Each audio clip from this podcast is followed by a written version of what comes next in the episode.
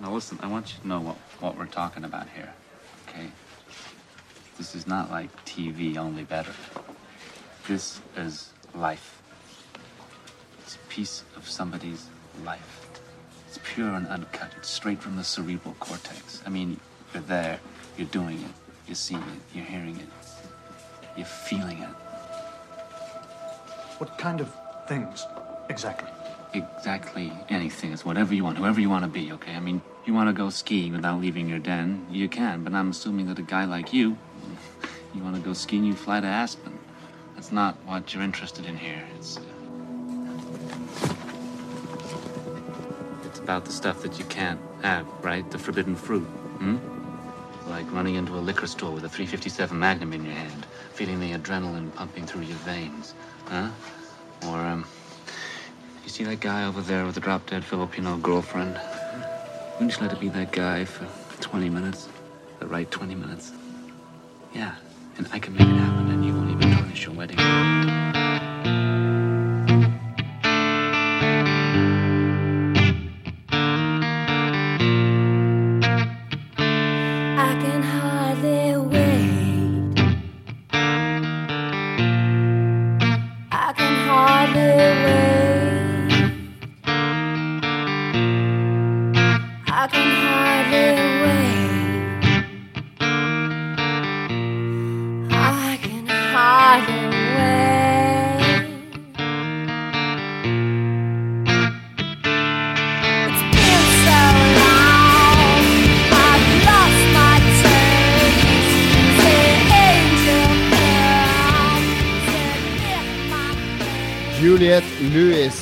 Can hardly wait eh, for Oculus Rift, sånn som jeg eh, Som god spillkritiker så eh, fritolker jeg alt i helt feil sammenhenger og sammensetninger, og trekker ting ut av ting som ikke er der. Juliet Lewis altså venter i spenning på Oculus Rift. Vi har vært innom filmen Strange Days her i Lolbua-introen. Vekte gode minner av det, Lars? Absolutt. Husker godt da vi så den med Paul Bang-Hansen, name-dropping. Dead guy. Eh, I Oslo på pressevisning. det var awesome. Det var en film vi ikke hadde visst noe som helst om. så bare gikk vi og Ja, det var, det var i den tida vi studerte i Oslo, og du via Harstad-Tine fikk innpass på pressevisninger, og så lagde jeg en uh, filmblogg der jeg blogga om filmer. Det her, husker jeg var i 97-98. Ja, noe sånt sikkert. Ja, der omkring. Og da sneik vi oss inn på alle mulige pressevisninger og filmer på dagtid mens vi egentlig burde studere. Ja, herlig. Og en av de filmene vi var inne på, det var Strange Days, som vi egentlig ikke visste noe om når vi gikk inn, men som, vi var, som forandra oss helt da vi var kommet ut. Det var en kul film. Vi visste jo ikke at Juliette Lewis kunne synge. og Ralph Fiennes var jo en åpenbaring som en litt sånn sliten uh, fixer. Uh, litt sånn der uh, film noir, uh, neon, Blade Runner, miksa opp i alt, egentlig, filmen. Ja, det er en utrolig kul eh, film som jo tar for seg eh, virtual reality. Og det er jo litt derfor vi, vi tok eh, det som intro i dag. For den store, store nyheten som alle snakker om i dag, er jo at eh, Facebook har kjøpt uh, virtual reality-teknologiutvikleren Oh, Oculus no! Rift. Uh, Magnus, hva Ja. synes du? Gleder du deg til å ta på deg briller hver gang du skal sjekke Facebook? Uh, ja, jeg gleder meg stort til akkurat det. Det er veldig viktig for meg å se de der lolcatsene i full eh, 3D. Hvor enn jeg snur meg. Uh, nei, jeg er jo ikke så veldig interessert i Oculus Rift i utgangspunktet. Så at det blandes med Facebook, som jeg strengt tatt heller ikke er så veldig interessert i. uh, det syns jeg Ja, det er liksom sånn her uh, eh, Midt på treet-interesse i skjønn harmoni. Hele opplegget. Eh, Lars, du er heller ikke så interessert i Oculus Rift Over VR. Vi, det er jo synd vi vier en hel sending der her, da. Så Nei, det er ikke hele serien. Vi snakker litt om det nå i starten. Det, det blir ikke Jo, men vi er jo interessert. Er- Plutselig kom jo den der Morpheus eh, i forrige uke, og da ble jo VR-interessen straks litt større. Så er det, altså? Ja, Men, men det, ja. altså, det, det som jeg, jeg snakka med flere som er skeptiske, og felles for alle de er at de ikke har prøvd det sjøl. Fordi Mm. det er veldig vanskelig å forklare den der uh, følelsen av uh, tilstedeværelse som, som den uh, Oculus Riften gir deg. Fordi det er det Du klarer ikke å gjenskape det samme i, på en vanlig skjerm. Altså På en vanlig skjerm så sitter du og ser inn i et vindu til en annen verden, mens du faktisk føler at du befinner deg i en annen verden. Og det er, det er en veldig ekstremt sterk opplevelse. Jeg skal jo legge til at jeg har litt dårlig syn på det ene øyet. Eh, jeg har ganske dårlig syn på det ene øyet. Så 3D har eh, veldig lite effekt på meg. Meg og Snorre Bryne sto sammen på Kraftverk-konserten på Øya. Og eh, Ja, når alle hadde 3D-briller på seg på Ja. øya. til sammen så hadde vi en veldig stor 3D-opplevelse. Men nei, jeg, jeg får ikke så mye igjen for 3D. Jeg, jeg har sett litt 3D-filmer og sånn på kino, og det blir litt sånn utydelig for meg. Så jeg, jeg har liksom aldri eh, gravitert så veldig mot formatet, da. Men Det kan du jo glede Og, deg på våre vegne. Ja, jeg gleder meg på Jeg gleder meg for deg, Jon Cato. Det gjør jeg. Det er gøy for deg. Men VR, VR er vel ikke 3D, er det? Sånn samme trikset med at det blir Ja, det er to skjermer, da, så du er litt avhengig av at begge øynene oppfatter ganske likt for at du skal få full effekt, tror jeg. Men det er ikke det helt det samme, da. For det er ikke noe som, det er ikke noe som blinker, at du bare ser annethvert bilde. og bla, Nei, det er det ikke. bla, liksom. Nei, men det er, det er det samme i den forstand at uh, hele teknologien er bygd opp rundt å sende ett bilde til det ene øyet og ett til det andre. Mm. Og uh, i real life, i RL, så kan jeg kompensere med det andre øyet mitt, men det regner jeg ikke med at de legger inn uh, støtte for i Oculus Rift. Men kanskje Zuckerberg uh, er mannen til å introdusere nettopp den teknologien. Han bruker jo garantert briller og er svaksynt. Det Ja, det går fint å bruke. Oculus med briller. Nei, han har ikke briller i filmen, så eh, Nei, men det, hvorfor skal vi ikke være litt gira? Jeg vet ikke. Facebook. Jeg Tenk hvor vi mye skal være penger gira blir fordi å pøse det inn i det. åpner for noen helt nye spillopplevelser. Altså, vi må slutte å tenke på at vi skal spille Thief eller Quake eller uh, whatever i Ja, vi skal stå i et Rift. Vi må bur tenke på hva på vi kan få som er helt nytt nå. Men er teknologien så veldig ny, da? Ja, altså, eh, det har jo, Teknologien har vært tilgjengelig eh, i evigheter. Det er jo bare at eh, det, har, det kan potensielt bli veldig utbredt nå ved hjelp av Oculus Rift. Det har jo fremdeles ikke kommet noen spill har det det, som, som utnytter teknologien. Som liksom Altså, si det er jo at, eh, forskjell på å si at te teknologien har vært tilgjengelig en stund, ja, men det var jo som om du skulle sitte på 80-tallet og si Hva, datamaskin er jo ikke noe nytt, det har de hatt på Blindern siden 50-tallet. Så det, Ja, ja, jo, men jeg ser det har jo med hva, hva, som er hva, hva som er praktisk mulig å gjøre innenfor de husets fire vegger for folk flest. Ja, riktig. Det blir jo genialt mye porno, da. Det er jo det som vil skje. Pornobransjen vil blir revolusjonere. genialt mye. Ja. Det var adjektivet sitt. Um, men um, Jo, jo, jeg, jeg skjønner poenget. Men jeg, jeg har litt lyst til å se kanskje noen produkter. Altså å se, se noe innhold før jeg blir så veldig sånn i taket etter det. Det fins masse innhold nå, men det, det, alt, akkurat nå så er det bare enormt mye potensial. Jeg skrev en gigalang sak på gamer.no i dag med masse bruksområder for VR som er utenfor spillbransjen. Porno. Jeg, jeg unnlot med vilje å nevne porno, men alt mulig fra virtuell turisme til uh, opplæring i, til å bli kranfører og masse sånne ting som er, blir helt fantastisk mye bedre med virtual Ja, ja. reality enn en det du kan gjøre i dag. Ja. Mener nå jeg. Mener Ja, det, men det står du helt fritt til å mene. Og jeg, er mer enn villig til å bli overbevist om noe annet. Men foreløpig så er det bare potensialet og ikke så veldig mye mer å vise til. Og Derfor så stiller jeg meg avventende til det. Frem til nå er det kun potens. Potens.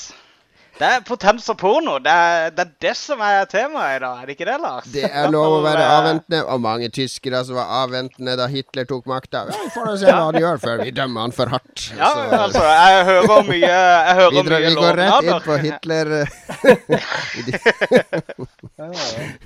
Yes, det er good Goodwin.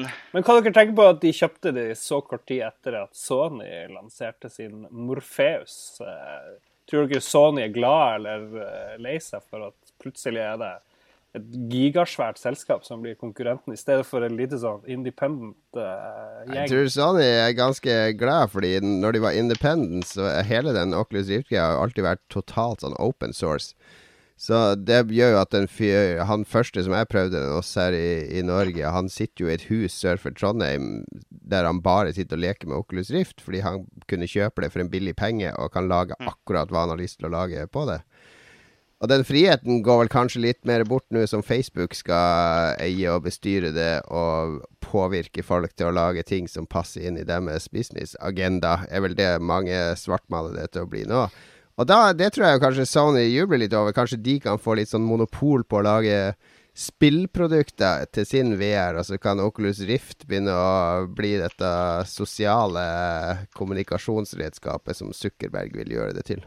Han uh, Notch, han eh, svensken som har lagd Minecraft, han uh, trakk jo seg fra det der greiene. Han hadde vel brukt 10 000 dollar, tror jeg, på Oculus Rift, men uh, nå vil han ikke være med lenger. Han har brukt én times lønn på Oculus Rift. Ja, det er nå greit, men ikke sant. Han var, alle har lagt merke til at han trakk seg ut. Og jeg tenker ja vel, det var nå veldig fort du eh, trakk deg ut, egentlig. Men ja, for det at uh, Facebook creeps me out, skrev han på eh, Skrev han på Twitter. uh, og Men Notch, Eh, er- litt sånn der, den reaksjonære forumtrollet som hater Ja. Microsoft og Windows Ja, ja. Og, eh, og pengene og makta, bortsett fra at han har sånn en halv milliard på bok sjøl. han er sånn som skriver Microsoft med dollar-S. Det. helt uironisk. Sånn er microdollar-oft. Uh, men det som er enda vittigere med dette her, er jo at de som har donert sånn her uh, noen skarve dollar på yeah. uh, Kickstarter Jeg vil ha mine ti dollar tilbake. Det her var ikke Ja. det dere solgte meg. Nettopp. Jeg ser på meg sjøl som en, uh, en investor i deres firma, for dere fikk fem dollar. Og derfor så føler jeg at jeg skal være med på alle fremtidige bes Jeg har ikke blitt innkalt til ett styremøte ennå. Nettopp.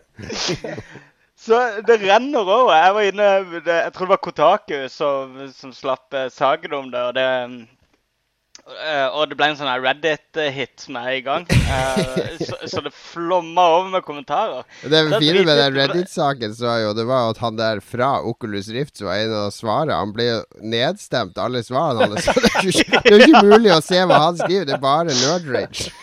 Men det, det er liksom to leirer der. Er, eller tre, kanskje. Det er en leir som sitter og sier hele tida Ja, men du har ikke kjøpt aksjer. Du har kjøpt Oculus Rift. Ja. Det er din tosk. Det er ikke det samme. Du går ikke inn i en butikk og kjøper et produkt, og så eier du en del av Barbie. Eller, eller du, du går på gata, og så ser du en rumensk tigger, og så gir du han 20 kroner. Og så fem Ja. år senere så har han starta en bedrift og blitt millionær. Så kommer du «Øh, Jeg skal ha, du, jeg skal ha litt av fortjenesten din, for jeg hjalp deg å komme i gang. Ja, eller de, de kaster et, eh, et eh, tyggegummipapir på bakken rett etterpå. Da har du lov til å gå tilbake og si 'plukk det opp'! Nei, det er helt tullete. Men så, selv om det er en hel haug med sånn rasjonelle folk som sier 'kom igjen, folkens, slapp av'. Dere har jo ikke noe, noe råderett over selskapet sine oppkjøpsideer eller eh, beslutninger eller noen ting. Så likevel så er det sånn 50% som likevel er Ja, nei, nå er det, nå er det rettssak. Jeg ser en lås ut uh, komme her og sånn. Så um, jeg, jeg håper de går til sak. Det hadde vært herlig. De får nå drive på eh, det Virtual reality kommer uansett hva Facebook gjør med Oculus Rift. Det kommer sikkert masse andre aktører òg, i tillegg til Sony. Og Microsoft kommer helt sikkert til å annonsere noe på etere, vil jeg tippe. Så det er eh, Det kan bli Jeg tror ikke det blir en eh, sånn eh, bevegelseskontroll-gimmick som kommer og går. Jeg tror nok det får fotfeste og blir en egen sjanger. Ja, om ti år så tror jeg det er perfekt. Jeg vet ikke. Jeg ser ikke for meg at mamma står i stua med masse Jeg har en YouTube-video med en bestemor som har kreft, og som ikke har vært ute av huset på halvannet år. Og så fikk hun på seg sånn Oculus Rift, så hun kunne gå ut i en park. Og det, hun eh, gråt nesten etterpå. Hun var dement. Kanskje. Vel, vi, eh, vi, Eldre! kan, vi, kan sikkert, Eldre! vi kan sikkert komme innom VR utover i sendinga. Vi får vel pløye litt gjennom eh, Vi har masse gøy program i dag, selv om vi har glemt å si fra at vi har sending. Så vi har kun ett lytterspørsmål så langt. Men hvis noen av våre fem viewers på YouTube har noe de har lyst til at vi skal snakke om i lytterspørsmålsegmentet som kommer om litt, så send inn på Twitter til uh, lolbua eller i kommentarfeltet på YouTube. Så skal vi ta med spørsmålet deres òg. Eh, hva har vi gjort i det siste, Magnus? Jeg ser du har eh, bare blankt, blankt, blankt som vanlig. Har du ikke engang vært på Ikea? Har du ikke gjort noe som helst som er verdt å nevne i ditt triste, begredelige studentliv? Eh, eh, høydepunktene i livet mitt det går for tida ut på at jeg driver og, og eh, kjører sånn super sånn her vårrengjøring-greie i, i leiligheten her. Så Det er vel en del asfaltstøv nedi den der gammelbyen-gropa du bor i. Nei, jeg ligger langt, langt over veien, så jeg har ikke noe asfaltstøv. Men Ja, jeg driver og eh, Jeg hang opp ei lampe i taket, f.eks. her om dagen. Det måtte spleise Wow. noe uh, Skøyte noen kabler, og opp og skru, og av med sikring. og Skikkelig jobb. Følte meg glad etterpå når jeg hadde gjort det. Men eh, nei, driver, vi har eh, begynt med litt sånne eksamenstilnærminger. så det, det begynner å bli litt sånn obligatoriske innleveringer og sånn. Så mye skole, mye matematikk og ikke så mye fritid, egentlig. Skjønner, skjønner. litt. Og der mista vi 20% av viewerne, så det Ja, kom tilbake. Det kom en tilbake. Yes. Nei, men eh, det er eh. Kan ikke du eh, ha som lekse til neste Lolbua, eh, Magnus, at en kveld så finner du på noe, noe sprell som du kan snakke om, så at det blir litt mer sånn liv og moro fra deg i denne spalten? Jeg føler jeg er et, et humoristisk Ja, innslag. kan ikke du jeg ta, tror- jeg tror- ta eksempel heisen i bygget ditt eh, naken ned til første og opp igjen, og så se hva som skjer? Men jeg tror lytterne våre setter pris på å føle seg litt ikke sant, Når de hører om hvor lite liv jeg har, og så, eh, så føler de seg litt bedre. Ja, vi skal jo inspirere ja, i vårt. Spennende uh, spilljournalist, uh, skribent, uh, quizmasterliv. Ja, kanskje Min, min teori er at Magnus gjør mye ulovlig shit som ikke går an. å- Ja, jeg tror også det. Han prøver å ta på seg en sånn der eh, Walter White-kappe med å være en veldig kjedelig front. Ja, jeg, jeg så for så vidt uh, Jeg så Wolf of Wall Street. Wall Street. Ja, du har sett en film? Ja, men se der, da har du jo gjort noe du kan snakke om. Oi, oi, Det er ikke noe å gjøre. Det er ikke noe å gjøre. Du sitter helt stille og blir uh, spraya med inntrykk av Ja, noe. men du eh, konsumerer et kulturprodukt som har Ja potensial til å påvirke livet ditt og tankene dine. Ja da. Jeg konsumerte faktisk eh, to kulturprodukter i helga. Ai, ai, ai. Eh, jeg så også en veldig fet, eh, et veldig fett kulturprodukt om eh, dokumentarkulturprodukt. Om standup-scena. Den opprinnelige standup-scena på The Improv. Et uh, veldig kjent sånn standup-sted i Akkurat. Ved en norsk podkast, altså. Du har sett en stå opp-dokumentar? en oppståings... Oppstandsdokumentar, ja. Ok, Men en det som var kult, da-. Om, uh, om standupens historie, da, eller? Ja, riktig. Eh, Det var liksom der alle starta, da. Altså David Letterman, Jerry Seinfeld. Alle de der begynte på det stedet. Det Hvilket liksom sted var det? der, eh, The Improv. Uh, dokumentaren heter også Ja, okay, The ja. Improv og så et eller annet uh, ekstra. Men så Hva er det han heter, han Late Night Jimmy Fallon. Dere Ja. vet hvem han er? Ja, ja. Han blir intervjua der, blant annet. Og han forteller at i Jeg tror det var- det var på midten av 90-tallet. 95-96. Så eh, lagde han et spill som handla om å gå inn på The Improv og se på forskjellige ja eh, standup-komikere. Og det heter Don't Quit Your Day Job. Og skulle være en sånn innføring i standup. Uh, det solgte helt grusomt, men jeg føler det er noe vi må, vi må finne. Det må vi spørre opp. Det høres sted. ut som en perle uh, som er Ja. verdt å ta en titt på. At Jimmy Fallon har de laga som film. Eh, Jeg, jeg syns jo at vi kan begynne å legge inn litt sånne her nuggets til våre quiz-deltakere. Kanskje for å booste uh, seertallene våre litt. Så, så da kan vi jo si at uh, det kunne typisk vært et quiz-spørsmål neste uke. Kunne ikke det, Jon Cato? Kanskje det? Kanskje det. Ja. Så det, hva heter den dokumentaren, da? Uh, The Improv, i hvert fall. Uh, Ja, ok. Har du vært eh, en av dere som har vært på sånne eh, amerikanske comedy clubs? Ja, jeg var på en i New York, og den var helt grei. Det var bare sånn random greie. Men det var selvfølgelig den obligatoriske murveggen. eh. Ja, det er, bak det er improv. Ja, det men var der alle har det. ble Er det den som er i den der uh, Louis CK-serien? Ja, eller, men det er der liksom konseptet med murveggen kommer. For det, det handler liksom om det der med at det er bare det mellom en murvegg og publikum. Eh, men, men dokumentaren heter eh, The Improv 50 Years Behind the Brick Wall. Ah. Så der har du det. Men jeg husker, jeg husker det, jeg har bare vært på én sånn ordentlig i USA. Men da var det en fyr som drev og lagde vitser om Zelda og Metal Gear Solid og greier. Så det var midt i blinken. Det var perfekt. Kun, kun guttene som lo, selvfølgelig. Men eh, ja. Jeg, jeg har også kun vært på en av de i LA. Det var på Comedy eh, Club. Men der så jeg jo Det- til gjengjeld da eh, Tony Clifton som hadde standup. Så det Ja, Veldig kult. det skal jo være sånn magi Det skal jo være sånn magiklubb òg i LA, hvor han der eh, Dr. Doogie er sånn her eh, MC eller et eller annet. Ja vel. Vi får, vi får sjekke det ut når Lolbua tar turen om et par, eh, par måneder. Magiklubb eh, spesial. Ja, det kan bli en magisk sending, kan ikke det dere? Lars, du har vært syk helt fram til søndag. Har du rukket å gjort noe fornuftig du har lyst til å dele med oss uh, i din uh, syke- og rekonvalensperiode?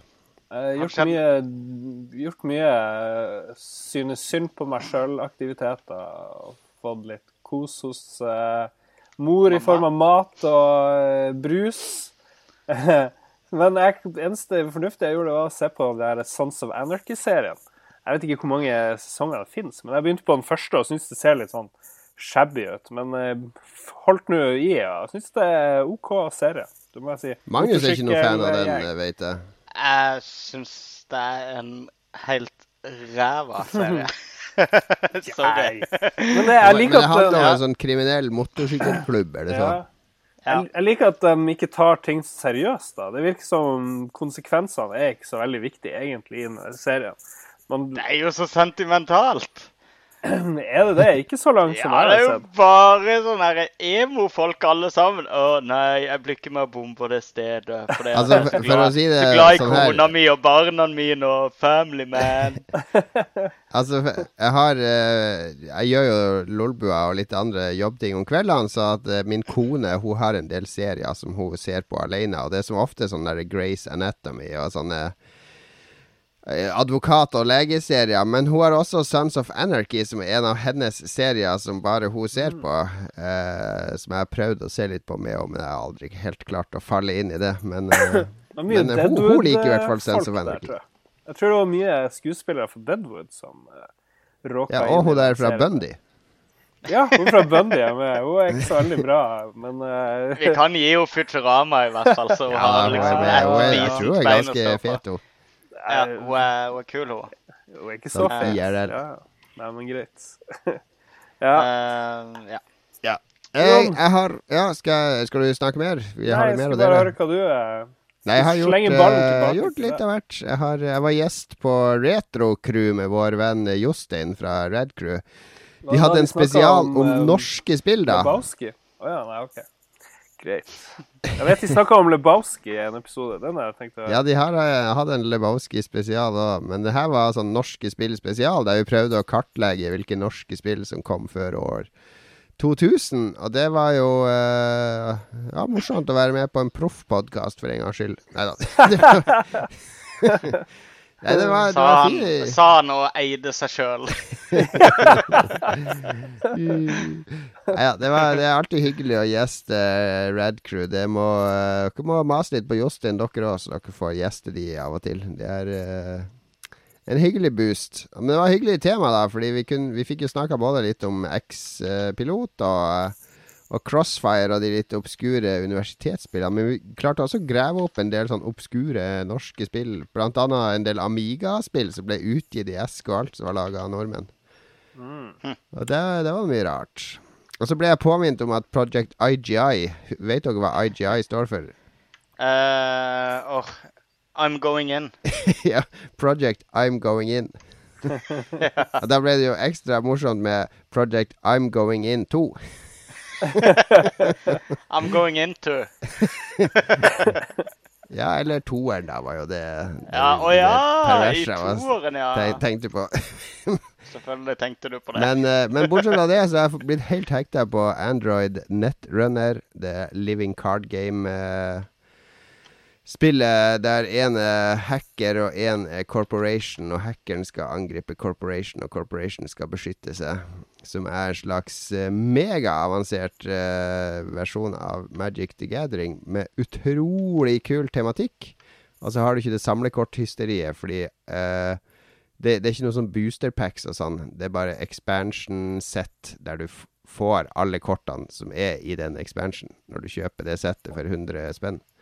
Hva kalte du det? Det heter Android Netrunner, og det er, det blitt en sånn snakkis i, både på Eurogamer og Shut Up and Sit Down, som er den kuleste brettspillbloggen jeg vet om, og hun der eh, Lee Alexan Alexander, hun der eh, New York-dama som er ekstremt flink å skrive om spill. Hun er også sånn eh, ekstrem Android Netrunner-evangelist. Hm. Og det er, det, det er bare hele det universet òg, hvordan det kortene klarer å lage sånn sammenhengen Altså, kortene henger sammen med hverandre, de dekkene du lager, sånn at de spiller på lag med hverandre og danner sånne små historier. Jeg har til og med gått så langt at jeg begynte å jeg har kjøpt et par Android Netrunner-bøker på Kiddelen min, som jeg skal begynne å lese denne, bok, denne uka.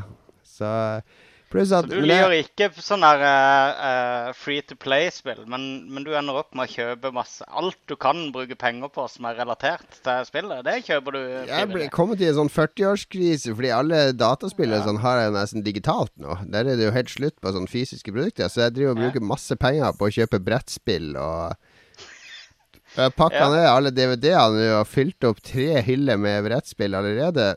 Men har jeg, skriver jo anmeldelser om de for, for gamer.no, så at uh, utgiftene går jo opp i opp med det jeg, får inn av å anmelde de.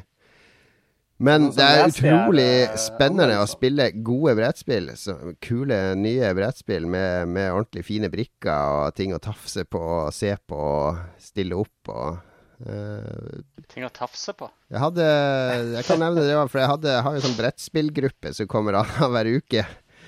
Og, og forrige on torsdag, var det vel Ja, torsdag forrige uke så var vi åtte stykker for å spille brettspill. Og da spilte vi noe som heter Space Cadets Dice Duel, der vi deler opp i to lag med fire på hvert lag. Og så er det som i Star Trek. Det er en som er kaptein, og så er det en som jobber på engineering, og så er det en som jobber på helm, som skal være pilot, og så er det en som jobber på weapons, osv. Og så driver han på engineering og fordeler terninger til de andre, da, som er energi, som de da må bruke for å lade torpedoer og, og tracke motstander sitt skip. Og så er vi to lag, og så er det masse masse roping og roping, roping, roping og stress og stress og stress og stress for å posisjonere det skipet og få skutt på det andre skipet. Og så roper vi 'fire'! Og da fryser alle, og så må vi se om torpedoen treffer, og om du blir skada, og da mister de en energiterning. Og så fortsetter kampen, og skipene manøvrerer rundt og bruker tractor beam og samler energikrystaller. det blir sånn halvtimes spilleomganger med to lag som sitter og kaster og kaster, kaster terninger for å få en riktig energi og riktige produkter. Det er, det er noe av det mest morsomme sosiale jeg har spilt på lenge. Det er ingen dataspill, sånn multiplayerspill, som kan kan matche den opplevelsen når vi tok det andre skipet, og hele crewet sto og high fiva hverandre. Var nesten så vi hadde group hug for å feire at jeg klarte å senke Det var Erling Rostvåg som var kaptein på det andre skipet. Vi klarte å senke Erling sitt skip. Tenk om dere hadde spilt det med Oculus Rift i tillegg. Bra Det har blitt mye dårligere, for da kan vi ikke se skuffelsen i øynene på hverandre når den torpedoen ble deflekta av eh, mitt deflektorskilt som jeg hadde plassert helt perfekt på høyresida av skipet mitt, der jeg visste de kom til å komme til å angripe. Vi kunne delt det på Facebook, ikke sant? Så det hadde Det er ikke, nei, men det er eh, Brettspill er helt strålende nå. Eh, jeg gleder meg hver annenhver uke når jeg har en gruppe med og vi skal prøve nye brettspill. Det er, det er stor moro. Det høres nesten ut som du er litt på vei vekk fra det digitale. Nei, det går an å holde på begge deler. Det morsomme er jo at det er veldig mange som lager dataspill, som også lager brettspill. Eksempel Mm. XCOM-utvikleren har jo laga et av verdens beste brettspill, Twilight eh, Struggle.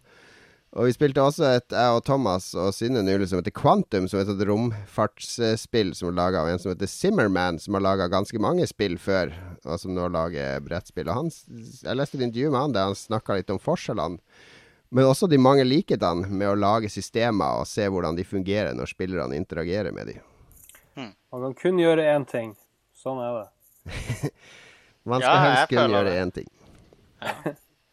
Sånn er det. Sånn Er vi er klar for eh, nyhetsspalten da, gutta?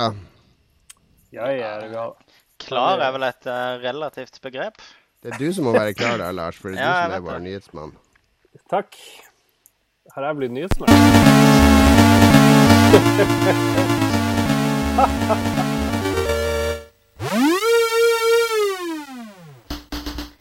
EA snakker Star Wars og har lyst til å gjøre mye kult med lisensen. Blant annet mener de Batman-spillene er en slags inspirasjon til hva de kan gjøre med lisensen rent spillmessig. Forvent derfor snarlig annonsering av Han Solo, Moss Eisley Re Origins, Chewbacca, Endor Asylum og Darth Vader, Coruscant City. Ja, Det var litt morsomt. Gi meg den, da. Ja, den var fin. Den har du tenkt på. Ja, det hadde jeg tenkt på. Ja, det var Og spesielt sånn double entendre der for alle Star Wars-fans, fordi alle Star Wars-fans vet jo at det var jo egentlig uh, Wookies som skulle bo på Endor i Return of the Jedi. Men så endte jo uh, han der idioten George Lucas opp med å gjøre de om til sånne små, søte kosebamser i stedet. Let Så Wookie win. Som skal appellere mer til barn. Ja, eh, det er vittig det der. eh, De som er litt grann eldre enn meg, hater liksom de wokisene. Jeg digger de. Jeg var barn Jeg elsker når. Jeg hater Ja. de der eh, Hva heter de? De der uh, Wicket og de der folka. I- Kan hate Ewokene. dem. Ewok. Ja, Ewoks tenkte jeg på, da. Ja, Wookie er jo noe helt annet. Det er Chewbacca. Ja, ja. Herregud, skyt meg. Ok, men det, Um, Magnus, da, eh, da, da får du være med på neste Lolbua. Fordi en sånn eh, tabbe, det er rett og slett eh, Det er greit, det er Lars. Det var den Red Crew-søknaden. ja, ja. Nei, jeg mente Ewoks. Det var at eh, mikrofonen opp litt Du, du ikke alt. Så, Ja, men hva um, syns vi om det, da? Hva syns vi om at de skal lage Nå, skal, nå har de fått Star Wars-lisensen. Vi kan lage noe dødsfette nye Star Wars-spill. Hva skal vi gjøre? Jo, vi tar Batman-spillene, og så putter vi Star Wars-figurer i de. Høres det ut som på meg, da, den nyheten? Jeg har jo Ja, selvfølgelig bare men da de, lagde, da de lagde Battlefront, så tok de jo egentlig bare Battlefield-gameplayet og, eh, og putta det inn i et Star Wars-spill òg, og det var ganske vellykka. Ja, det var det for så vidt. Ja, så det er eh, Altså, det er mye vi Men når de lagde X-Wing, så lagde de noe helt nytt, ikke sant? Det, Jo, definitivt Ja, men du, se på 90-tallet. Se hvor mye space simulatorer som så kom. Det var ikke som om Wing Commander ikke hadde kommet før X-Wing, var det det? Jo, X-Wing kom Ja, det kommer de tre. men Wing Commander var noe helt annet enn X-Wing. X-Wing var utrolig fokusert og Star Ja, ja, Wars-aktig. Det var et fantastisk spill, men det er det jeg mener. De kan godt bruke et tradisjonelt utgangspunkt. Tingen er, Hver gang jeg ser de der Og jeg har sett de Star Wars-filmene en del ganger, og hver gang jeg liksom har sagt til meg selv ja, nå vil jeg se en Star Wars-film, hver gang jeg ser de, så har jeg lyst til å spille et Star Wars-spill etterpå. Det er et annet med hele det der eh, universet der. Jeg var så sykt uh, uh, spillvennlig da. Ja. Og det Jeg syns jeg syns vel Star Wars-universet er kulere enn Batman-universet, så jeg har null problem med et litt sånn der Darkness uh, Star Wars-spill.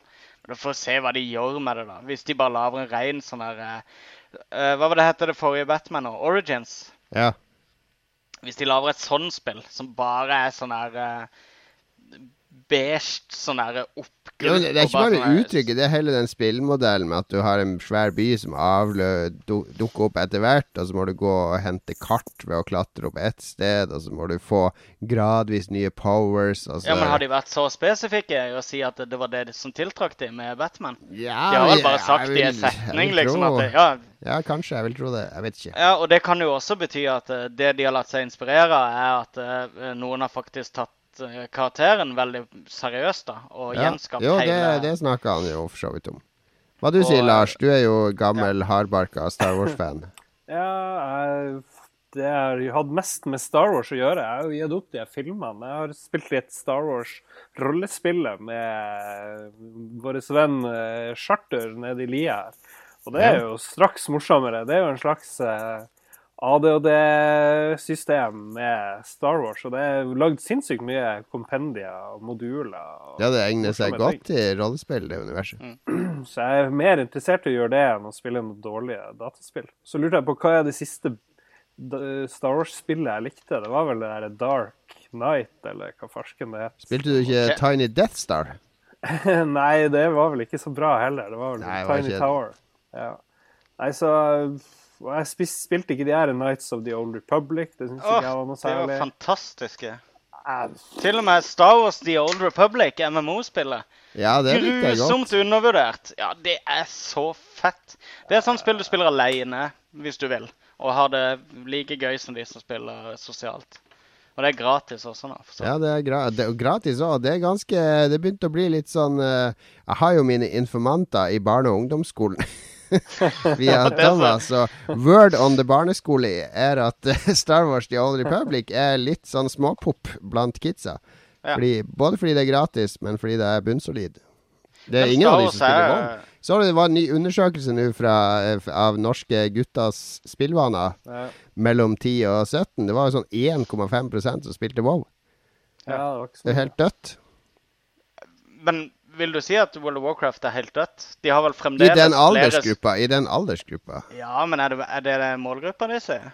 Det har jo lenge vært en sånn her påstand at det er ekstremt mange fjortiser som spiller WoW, og at det er sånn fare fordi det er så mange på ungdomsskolen og videregående som dropper ut fordi de spiller WoW, men nå viser det seg jo at WoW er jo ikke blir ikke spilt lenger.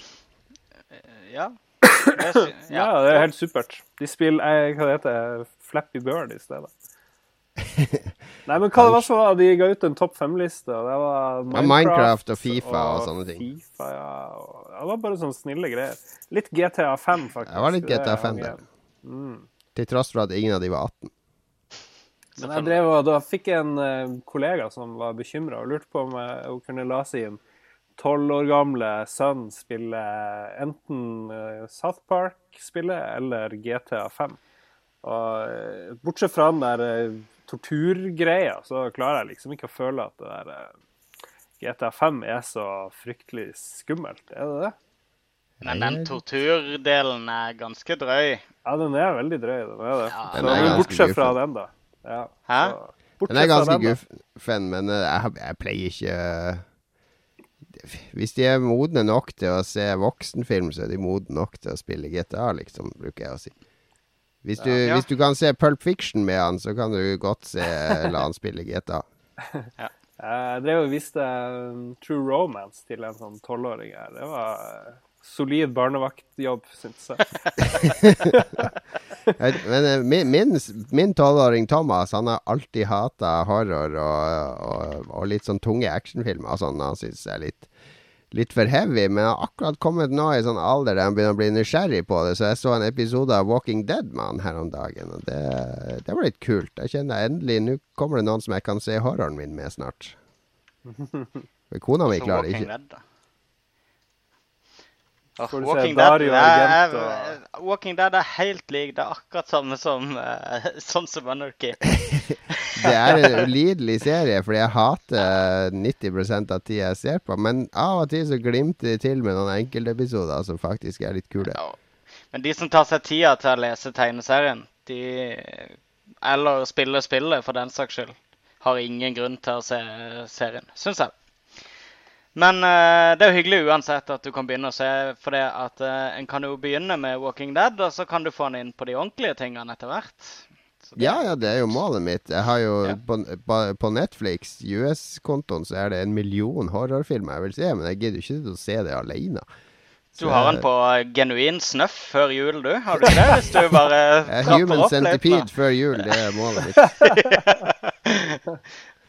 Hele så-serien. Vi har uh, en nyhet eh, til, eh, levert av vår eminente eh, røst fra Sørlandet. Guds egen røst eh, ble han kalt da han eh, vokste opp og gråt i kirka under dåpen. Her kommer siste nyhet fra Magnus. Sony har sagt opp et ukjent antall ansatte de siste ukene. Gorilla Games, Evolution Studios og SC London er blant de som er ramma. Prosjektmanageren til Drive Club har også stukket. Jack Tratton er borte, og Sony Santa Monica måtte kutte tidligere i år. Sony trodde at økonomien var sikra da de leverte Morpheus, men så var det altså Oculus Rift som ble kjøpt opp. In your face, Sony. Ja, nå er det Lars som har skrevet. Ja, den var du kjapp med, Jon. Det var, jeg var, jeg var litt moro. Jeg trakk på smilebåndet. Ja, skikkelig Eh, facial der, ja. Ja, det var en virkelig facial. Så Ja, hva er det som skjer? eh, spillfolk. Er det grunn til bekymring? Jeg Det er jo nå de skal ansette folk, er det ikke det? Det er så mange grunner til oppsigelser. Det kan være eh, omstrukturering av studioer osv. Det er ikke nødvendigvis et sykdomstegn. Omstrukturering er jo bare et annet ord for nedskjæring, er det ikke det, egentlig? Det er jo det. Det har aldri betydd noe annet enn nedskjæring. Nå Ja, skal men, vi eh, strukturere om, fordi vi har blitt så mye bedre. Vi trenger ikke så mye folk. Ja, men det er, det er et sånn businessord, men det er jo samtidig at noe man gjør også. Man omstrukturerer. Ja, det er ikke alltid uheldig å si opp folk. Uh, hvem var det de hadde sagt opp? Be i trynet nå her, det må jeg si. Allerede hjernevaska. Det har vært eh, litt over et halvt år. Hæ? Det er BI som prater. Ja, men, ja, ja, det er BI som prater. Uh, Gorilla Games, for eksempel. Hva har de, what have they done for me lately? Nei, ingenting. De kan gjerne Nei. kutte bort hele studio for det. Ja, for I. Jeg vil kanskje tro at det er Guerrilla Games-avdelinga i England som sto for Vita uh, Killzone, som de Ja, har det var faktisk det. Det var ikke de her jævlige i Nederland. Eller. Nei, de nederlenderne kutter de jo ikke i, for de er jo flaggskipstudio. Ja, Evolution Studios skjønner jeg, det er vel de som lager der uh, Drive Club. Jeg, Ja. jeg fatter ikke hva, hvorfor det Drive Club har fått hype i det hele tatt. For det var jo ment å være noe sånn free to play-spill og sånn der uh, Det var helt klart fra første sekund at det her skulle være liksom sånn der prøvekanin for Sony på å prøve seg på free to play. Uh, jeg tror hele grunnen til at det ikke har kommet ennå, det er at de ikke har eh, funnet en modell som passer. Eller klart å lage et bilspill som fungerer i det formatet. Men uh, Evolution Studios lagde jo Motorstorm, og det var jo et uh, fantastisk uh, Ja, det første var dritfett.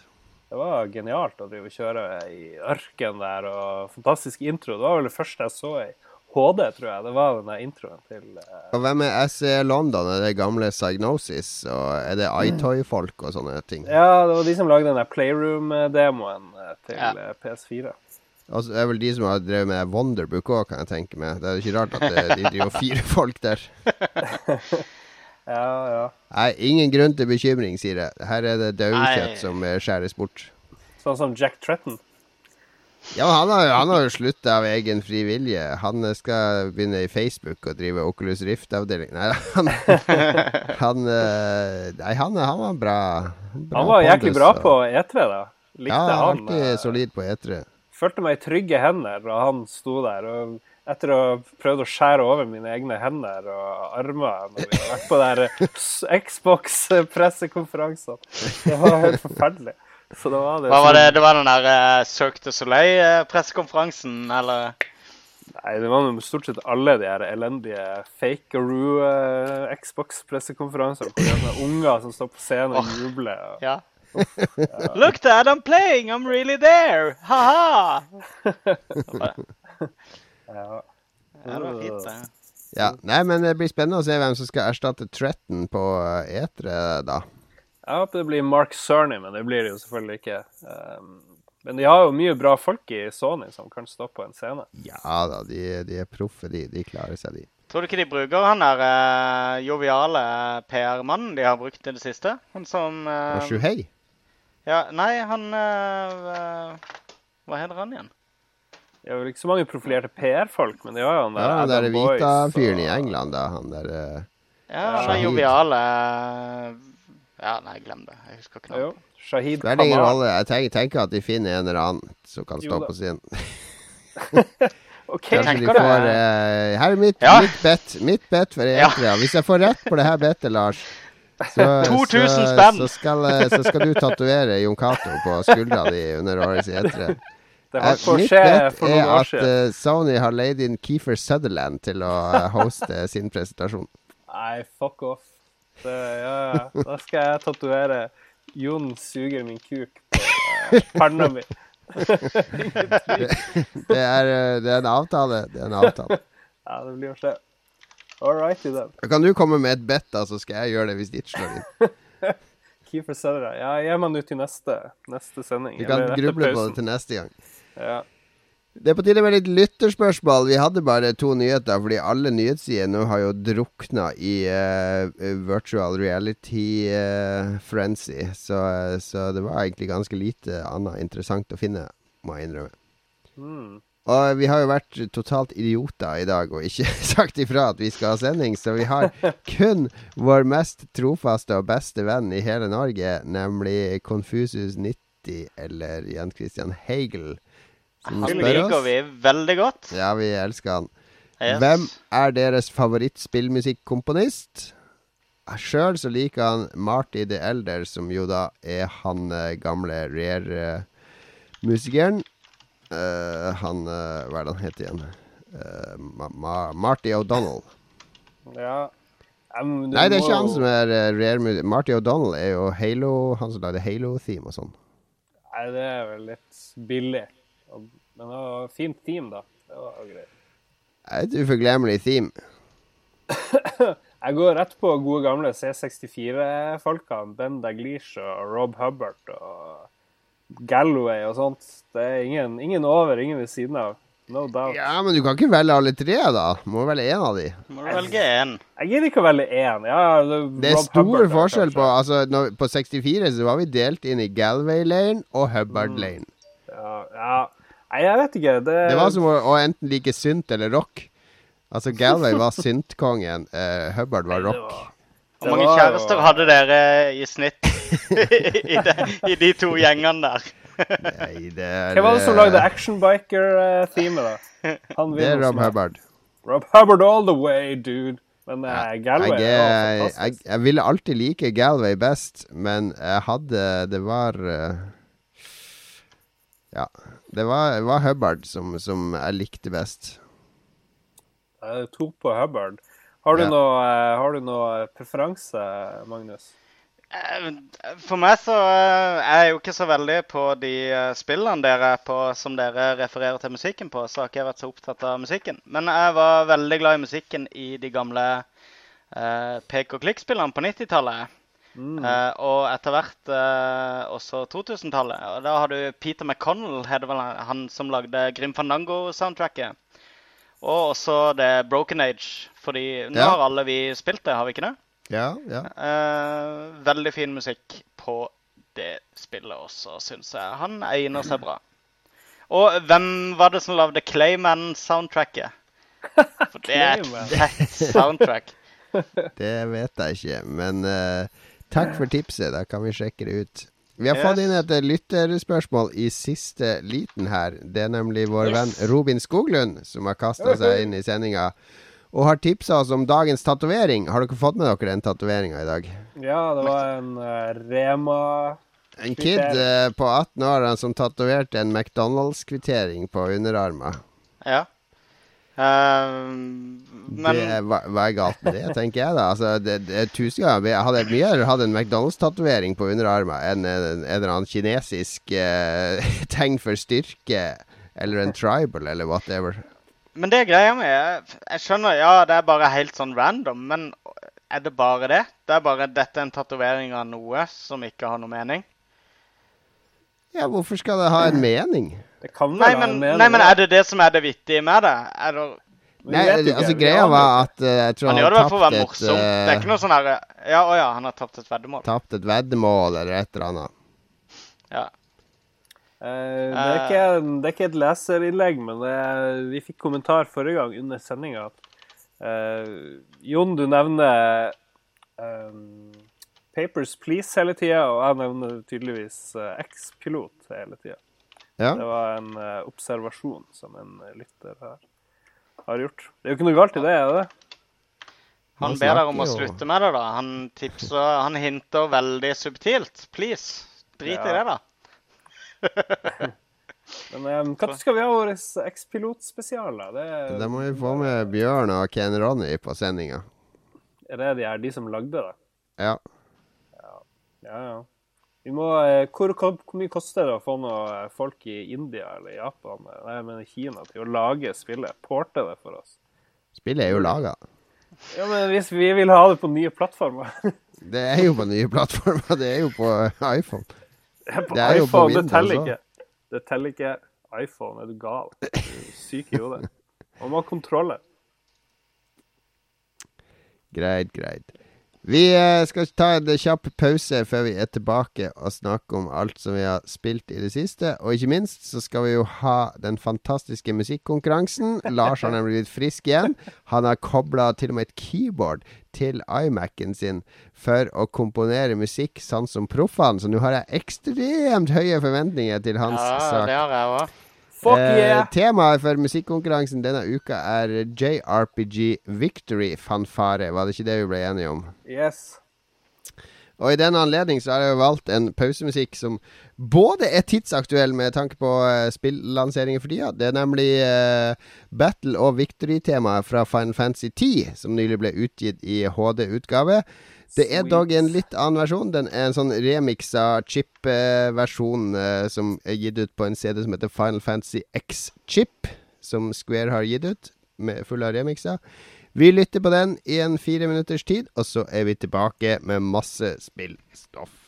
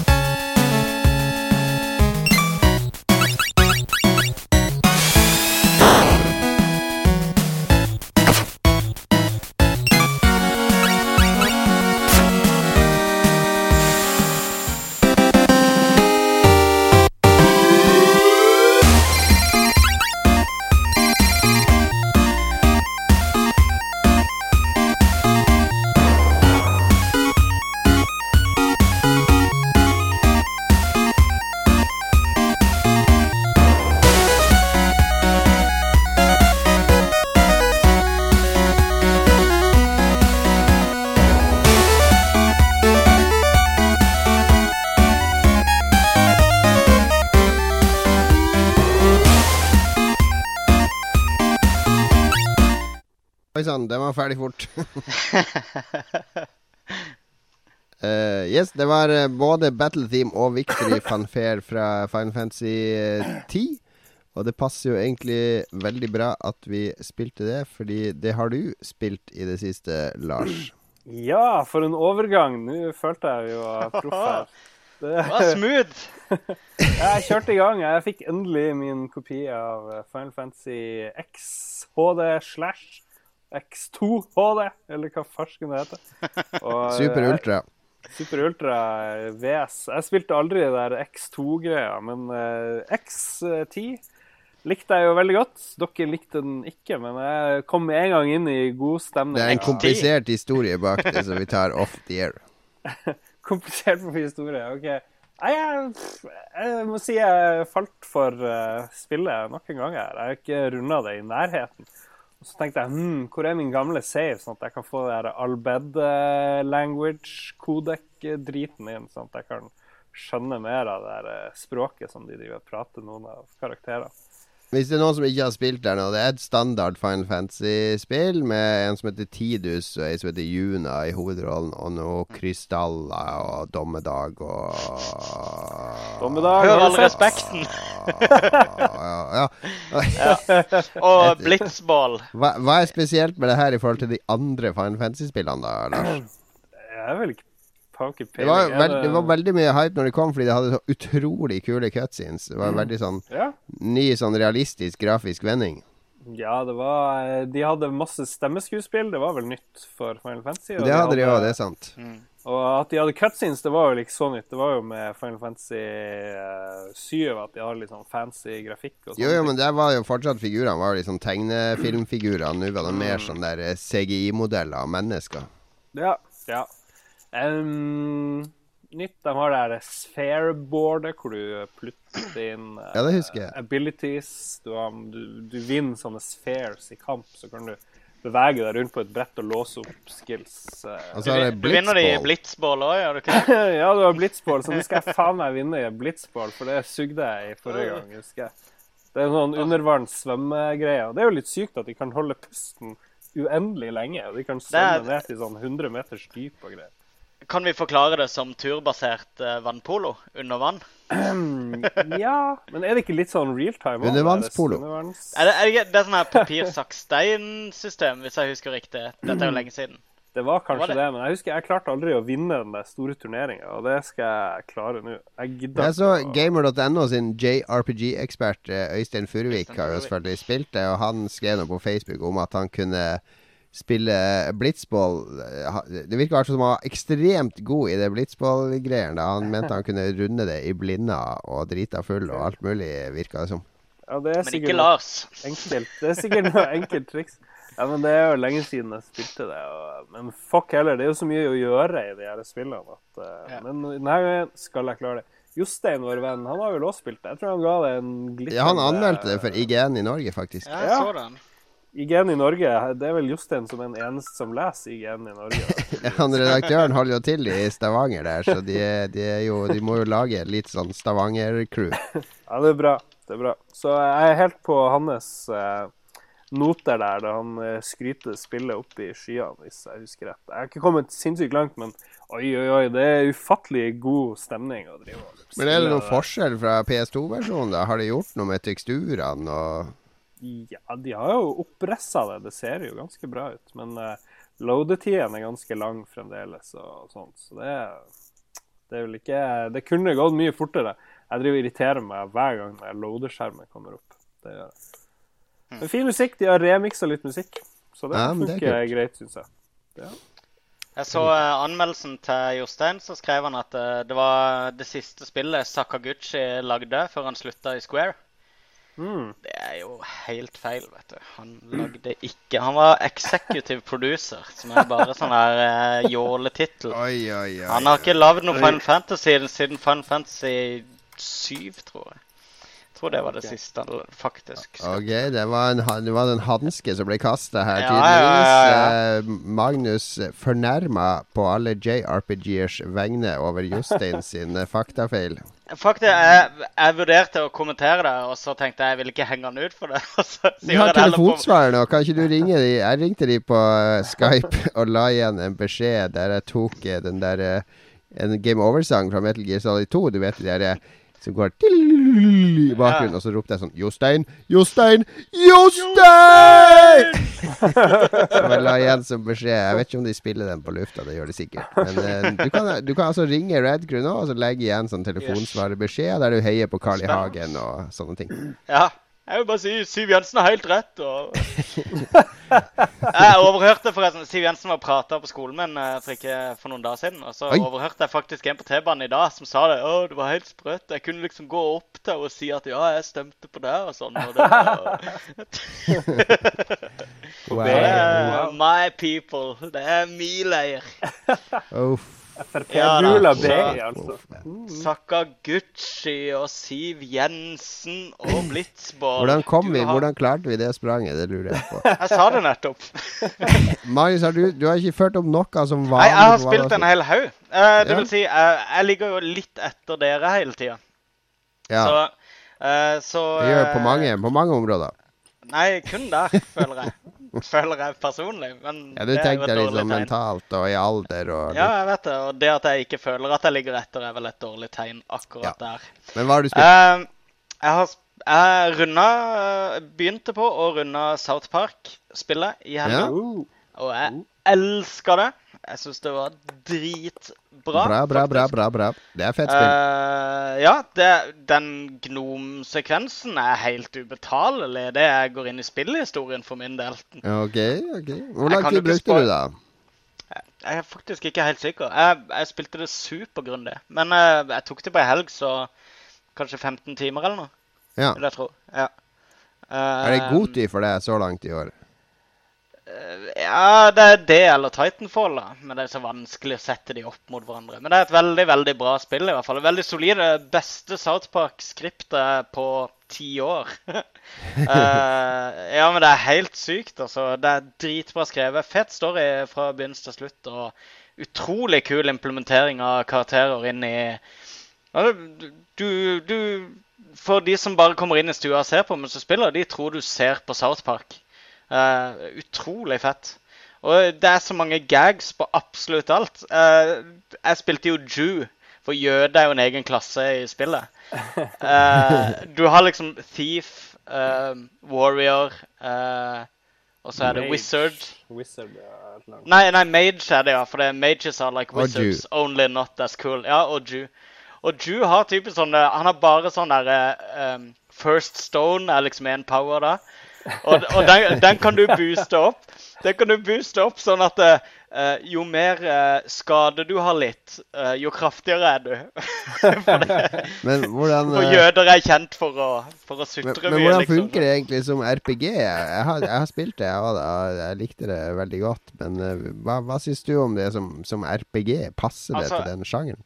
Jeg vet jo om en som vil si at dette er ikke noe RPG. Men dette er eh, Altså, jeg syns fightinga funker dritbra. Det er veldig sånn forenkla Tenk sånn Mario Luigi Superstar Eller Mario Luigi-serien. Ja, det er veldig Mario Luigi-inspirert for deg, og det var egentlig det eneste rette de kunne gjort. Ja, og det, det er litt for lett. Det er problemet med det, syns jeg. Men det er så mye Skrudde du opp vanskelighetsgraden, da? Ja, nei, jeg, jeg skrur ikke opp vanskelighetsgraden. Jeg liker å spille eh, på så easy som mulig. Nei da, på, eh, på normal.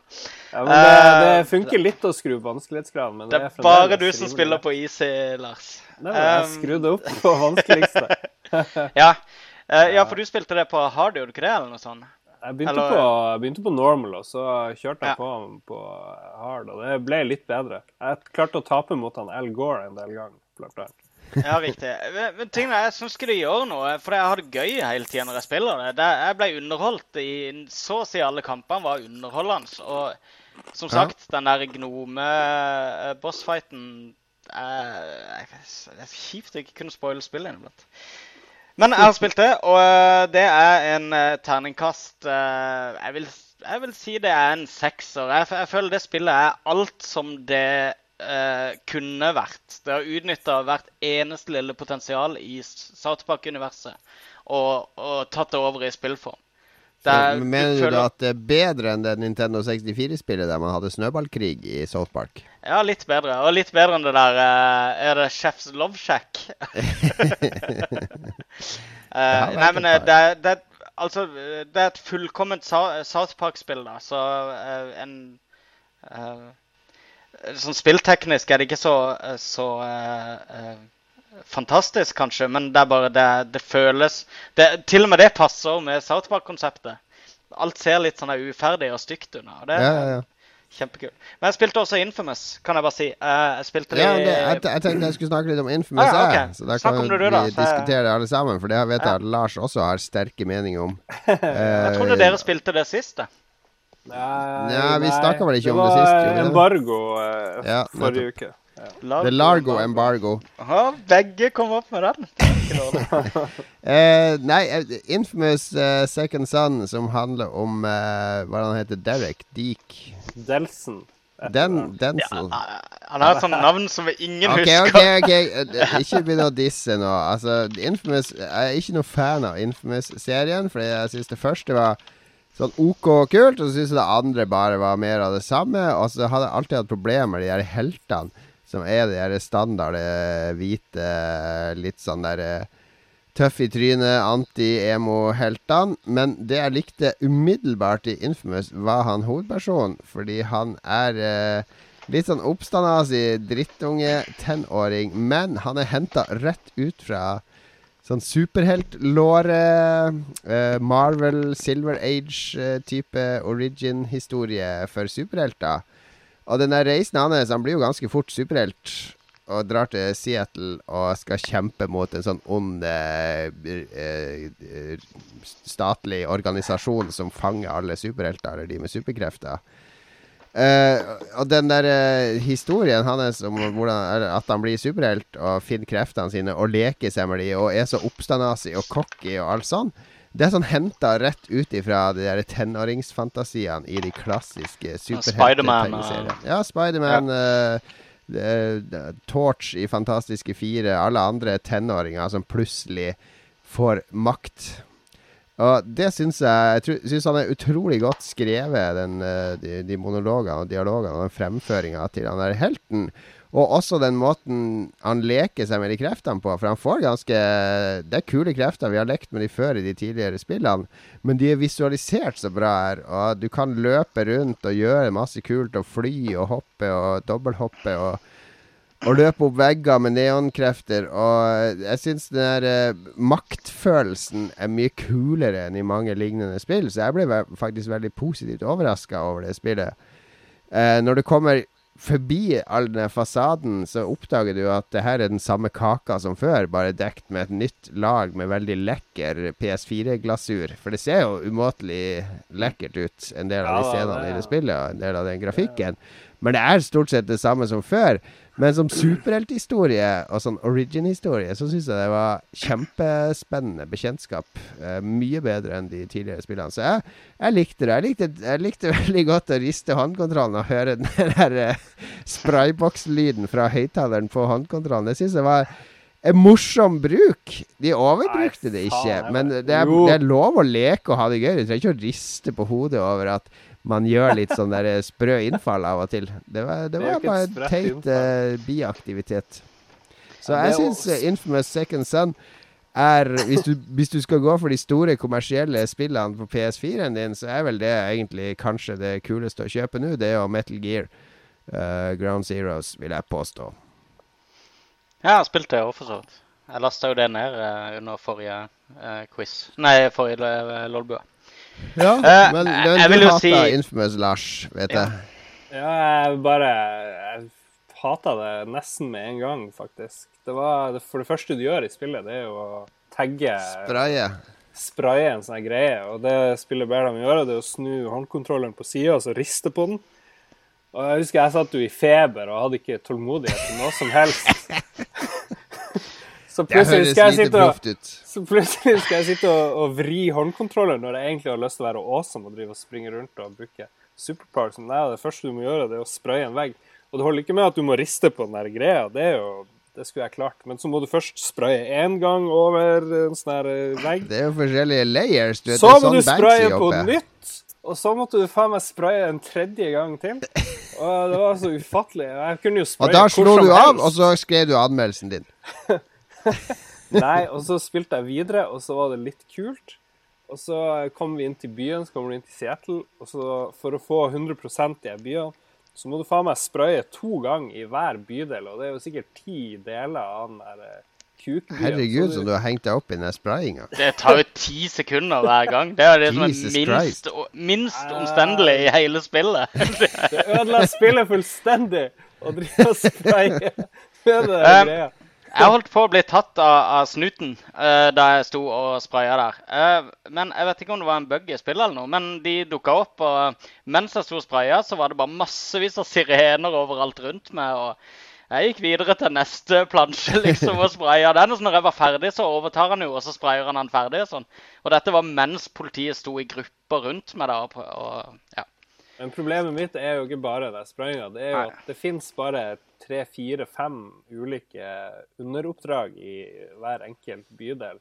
Du har der sprayinga, du, du må finne en spion i bydelen. Og så Ja, det blir fort litt repeterende, det gjør det. Nøyaktig det samme hele tida. Og det er jo greit nok, du kan jo droppe mye av det der. Men hvis du er sånn som meg, at du har lyst til å 100% ting så- Completionist.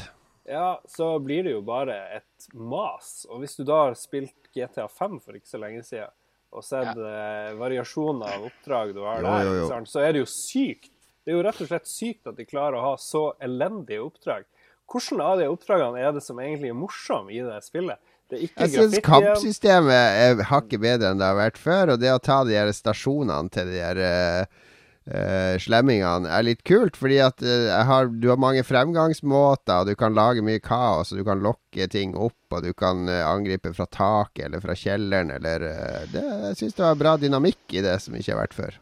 Jeg er helt uenig. Det er jo bare sånn her møljefight eh, når du går inn og tar de stasjonene. Hva er galt med Det er møljefight? Idet du går inn, så er det bare alle akkurat sånn sånn her uh, Serious Sam-greie med at alle bare «Rrrr!» Og så bare Nei, så løper de ille. mot Det deg er og skyter helt vilt. enheter, og de har litt forskjellig oppførsel. Ufattelig dårlig AI på de der motstanderne. Ja, det Det er ufattelig dårlig AI. Og så bare det å gå rundt i byen og se på innbyggerne så alle, Plutselig står det tre stykker som ser nøyaktig like ut, og så står de og oppfører seg som de er fulle og gjør en sånn rar animasjon.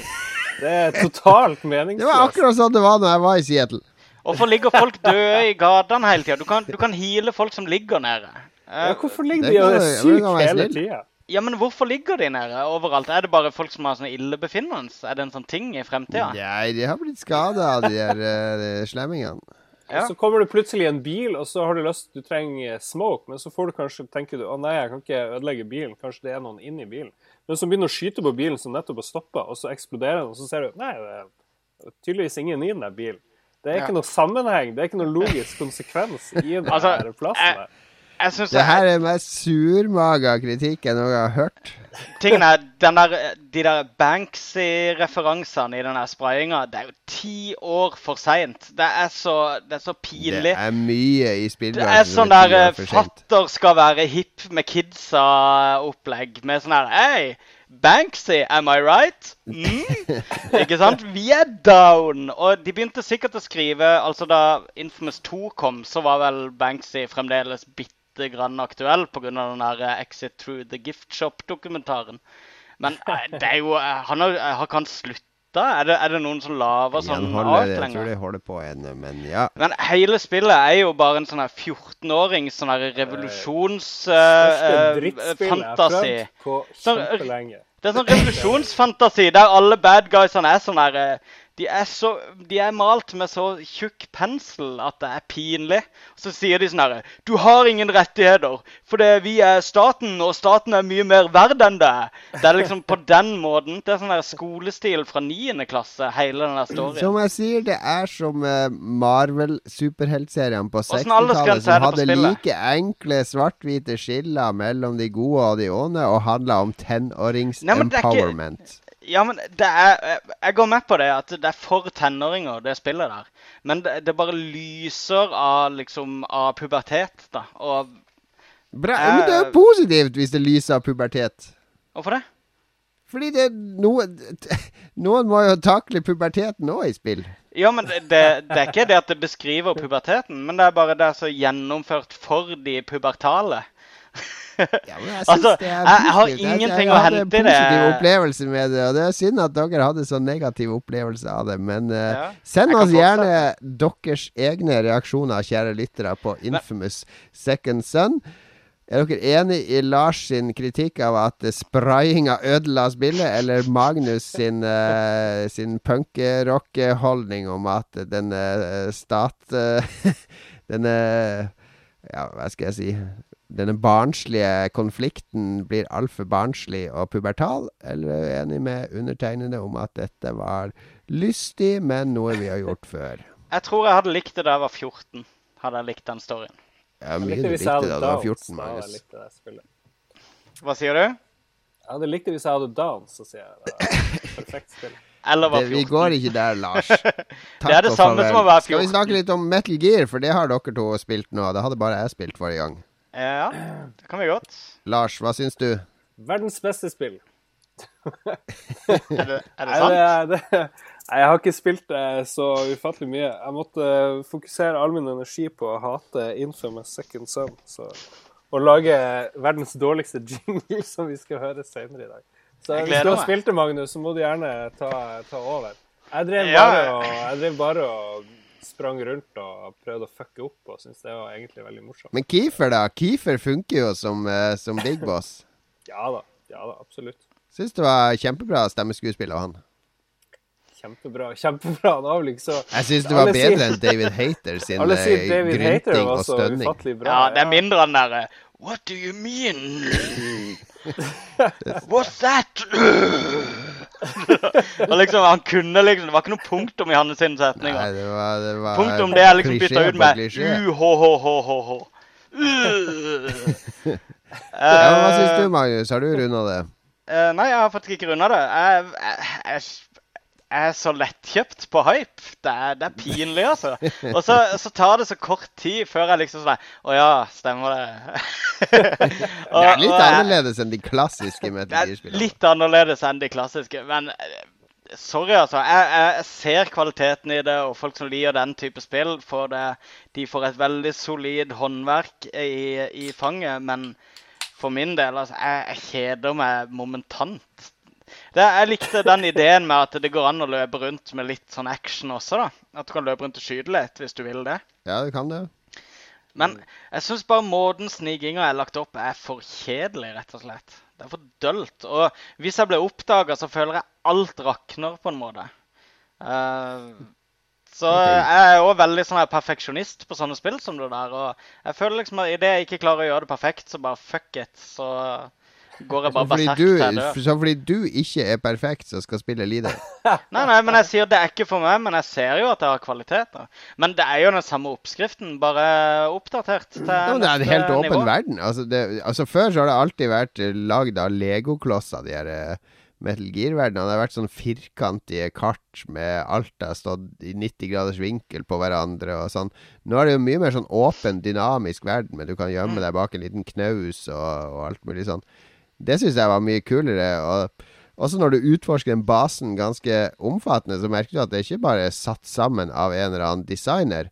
Det er veldig gjennomtenkt, alle avstander, eller at det står noen kasser der, fordi da har du akkurat tid til å nå de før han vakta har snudd seg, eller det spotlightet har gått over, og sånne ting. Det er utrolig Altså, det er et utrolig kult sted å bli kjent med, syns jeg.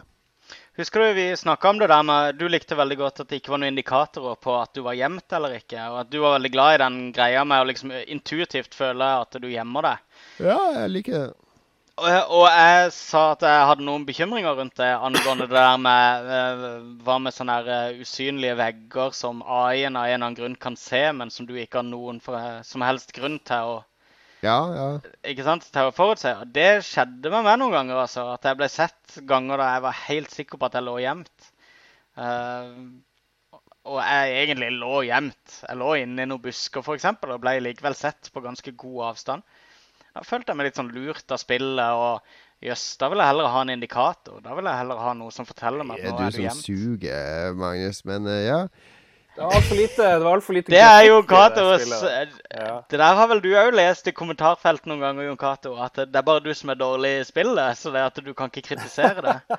Altså, jeg er jo av Dark Souls-skolen, så jeg Ja. mener jo at vi skal ikke ha on-screen-indikatorer, og du skal observere hva som skjer, og gjøre dine egne vurderinger og stole på deg sjøl, det, det er det jeg liker med akkurat den greia. Det kan være det òg, men da må det funke.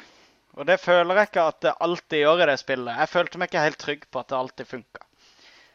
Jeg likte, jeg likte introen. da, og Introen er fantastisk når. John Baez og Ennio Morricone stemmer i med musikken der, og han eh, der smeltefjeset går mot helikopteret, og jeg har gåsehud. Ja, det var kult. Og så eneste Men jeg datt litt av i starten, fordi jeg prøvde å lese den der eh, backstory, det som har skjedd hittil.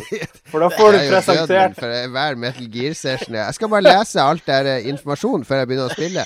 Og så er det midnatt før du begynner å spille. Det gir absolutt ingen mening, det der historien, på det som har skjedd. Jeg skjønte ikke en dritt. Jeg angrer. Men dere må eh, runde det, fordi det er, det er sånn ti minutter lang filmsekvens etterpå òg, med masse dramatikk og, og kule ting. Til og med når jeg ikke fikk frysninger av introen. Jeg Ja, du kan bare la være å runde det, for du, er- du, er- du hater jo Metal Gear, så du kan jo heller ta og trade jeg det inn på Jeg bare kjeder meg. Det, det er egentlig ikke at jeg hater det. Det er bare Det er bare Idet jeg begynner å spille det, så bare hjernen min begynner å tenke på andre ting med en gang. Det er bare, jeg, jeg hater det ikke. Jeg bare klarer ikke å engasjere meg. Gå, gå nå og spill der eh, South Park på nytt, eh, Magnus. Det, Nei, jeg har eh, ingen planer om å gjøre det. det vet jeg at du planlegger å gjøre. Lars, kick i gang eh, musikkonkurransen. Ja. Ja, herregud og fader, folkens. Nå er det runde to i den store musikkonkurransen som vi ikke enda har noe jingle til.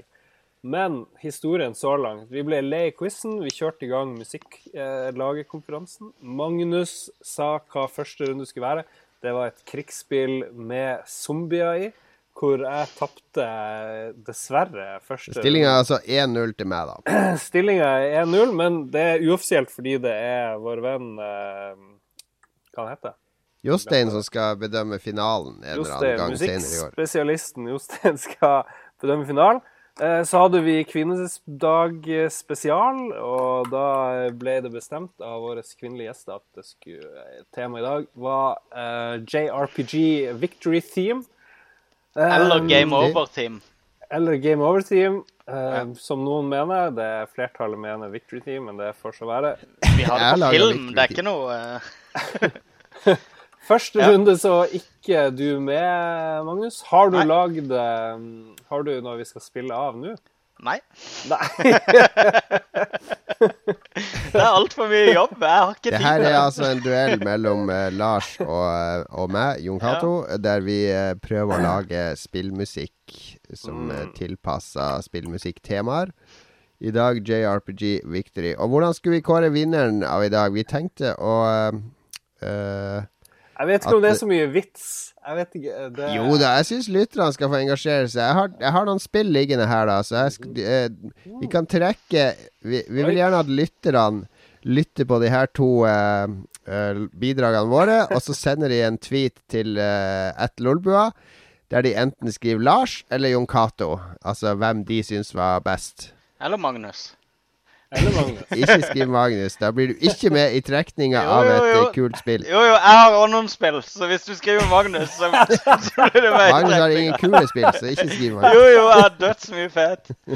Du, det er meg som henter inn alle premiene til, Ja, til ja, quizen ja, ja, ja. Nå avsporer du min veldig eh, kon eh, konsentrerte forklaring. Beklager Send en tweet til Lolbua med din favoritt av de to låtene, og så i neste program da så avgjør vi hvem som vant. Er det greit, Lars? Det er helt greit. Det er helt greit. Jeg føler jo at jeg tapte første runde kun fordi du forklarte ditt innslag bedre.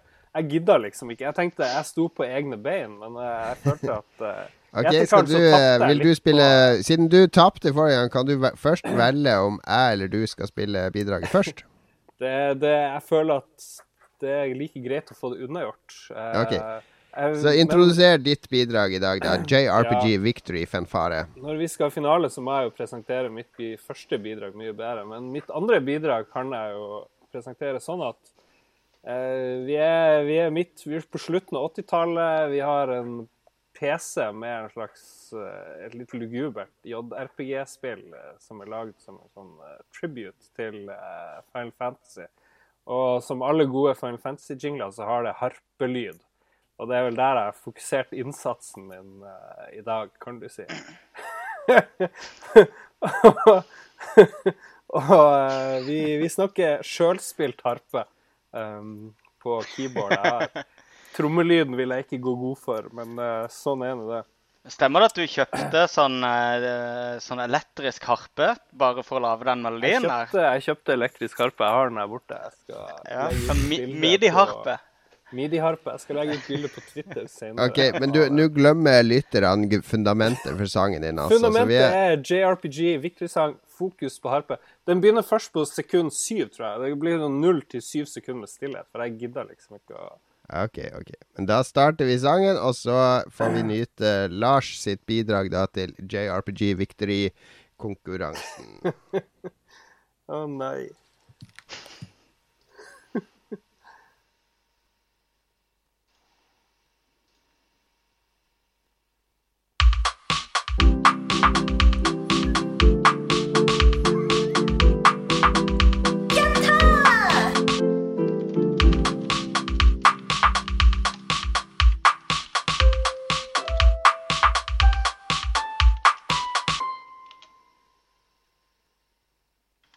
I love the smell of victory in the morning.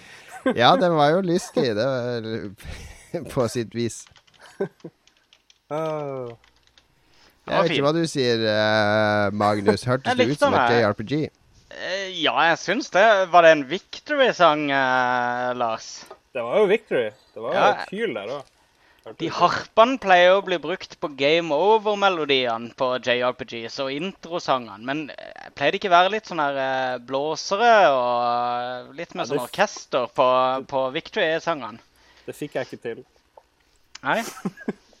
Nå, eh, han var vakker. Jeg, jeg slapp ei tåre her som Ok, der, vi kommer, kommer til å legge ut begge bidragene som egne lydfiler på uh, nboss.no. Og linke direkte til en sak med de to, sånn at lytterne kan høre på de mange ganger for å gjøre seg opp en ordentlig uh, vurdering av eh, hva de syns er best.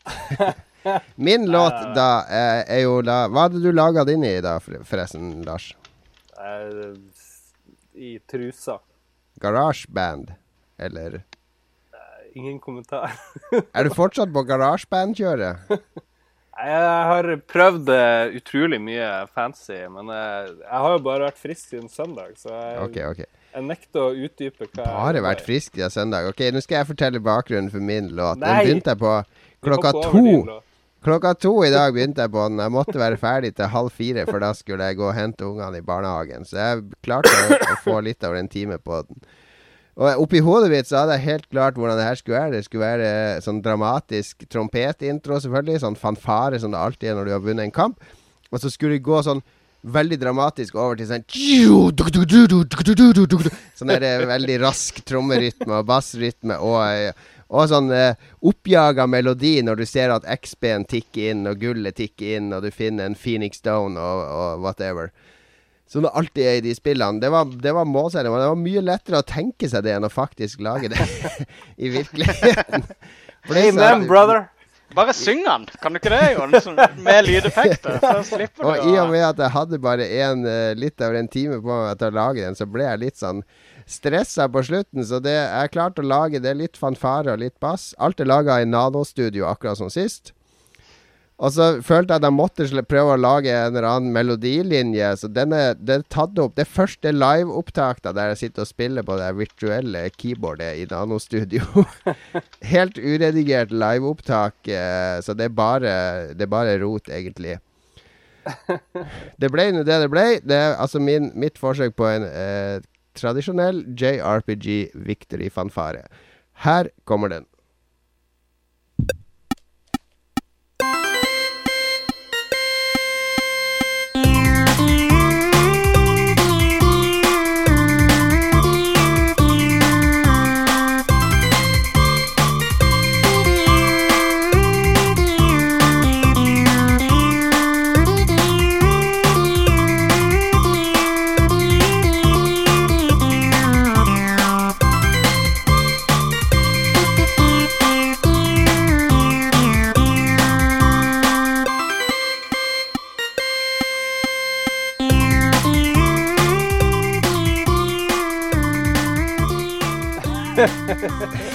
Jeg liker at den der, eh, den der metronomen har du fått Ja, for det er klart, eh, jeg har ikke eksportert den, så jeg spilte den rett fra Nano Studio, og det var jo eh, Metro Jeg trykte på record i stedet for play.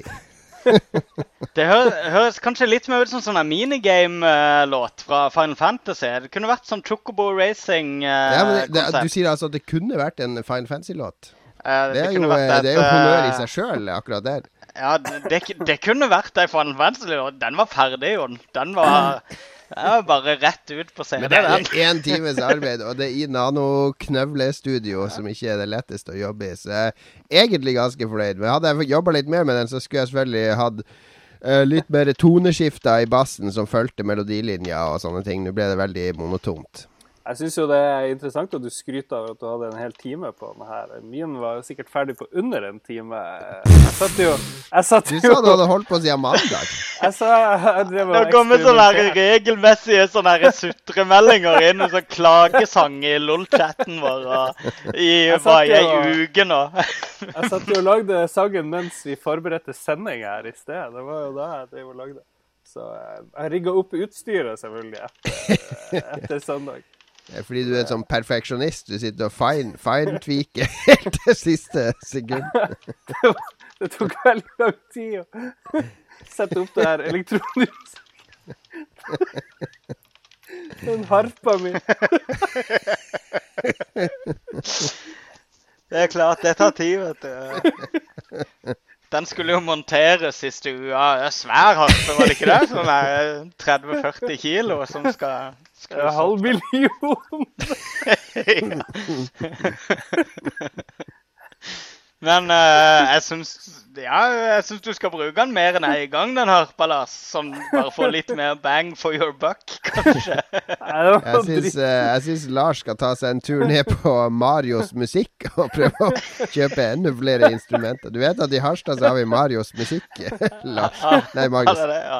Yes. ja, det Er er Marios det. musikk der fortsatt, Ja, Lars? ja, de er, de er sikkert der. Uh, Nei, men det var en uh, solid runde, det her, altså. Det kan vippe begge veier, føler jeg. Jeg er veldig spent på hva, hva lytterne kommer til å stemme på. Jeg utsatte ikke folk for så mye smerte, følte jeg. Det var liksom min uh, mitt, mitt, mitt eneste positive trekk med sangen. Det er et så, litt sånn eh, passiv-aggressivt eh, sleivspark mot meg, det. Nei, det vet ikke hva du mener. Hvis du syns din sang er for lang, så er det opp til deg. Men eh, hva- nå er jo spørsmålet hva vi skal ha som tema neste gang. Vi Ja. må ha en ny spillsjanger å angripe. Nå er det jeg og du som ikke har valgt, så det er opp til oss, føler jeg. Ja, Siden du da var taper forrige gang eh, Siden Lars tapte den første, Ja. så kan, kan jo Lars få velge neste. Ja, det er rettferdig. Ja, ja. Jeg vet ikke, jeg syns jeg har jo tenkt lenge at vi burde ha en egen jingle til uh, våre spalte, men jeg vet ikke om det er, hva er en egen sjanger, liksom. Jingle, er det... Ja, det er litt kjedelig, er det ikke det? Ja, Kanskje, det er kanskje du, kjedelig. Men vi trenger jo en jingle da, uansett. Men uh, Kanskje du lager en jingle, Lars? Kan det ikke er være det en du- du er jingle for denne konkurransen? Kanskje du skal lage det, Magnus? Kan vi fokusere? Ja, jeg kan lage den. Ok, du lager den. Jeg kommer til å svare nei neste gang du spør, men, men jeg kan godt love å gjøre det. Uh, Skal vi da eh, konkurrere i å lage beste jingle til konkurransen til neste gang? Det er meta. Det er smart. Ja, det syns jeg vi ikke. Ja, det, vi går for det, Lars. Det blir en overkommelig oppgave, føler jeg. Ja. Ja. Men da gjør vi det. Vi det er ingen som har sagt hvor lenge denne konkurransen skal pågå, så det her er Det er jo noen uh, uker til. Vi skal, vi skal ha nok til å fylle en. CD på Bandcamp, så jeg syns vi skal ha en sånn seks-syv bidrag hver, i hvert fall.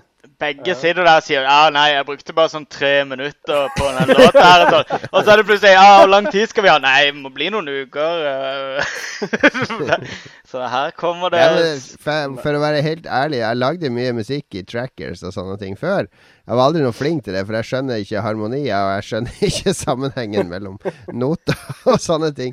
Men for meg, eh, det å få lage nå, som jeg har gjort de siste gangene, det har vært sånn litt sånn blast to, to the, from the past.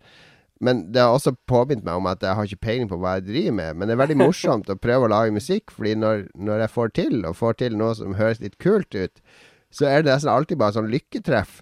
Og så blir jeg så redd for å forandre på noe, eller legge til noe, eller gjøre noe, fordi det, jeg føler det er sånn korthus som raser sammen hvis jeg begynner å manipulere bassen for mye, eller gjøre noe. Så det, er eh, veldig givende å prøve å lage musikk. Jeg kan anbefale det for alle, selv de som aldri har gjort det før, å kjøpe seg et, li- et billig musikkprogram og bare leke seg.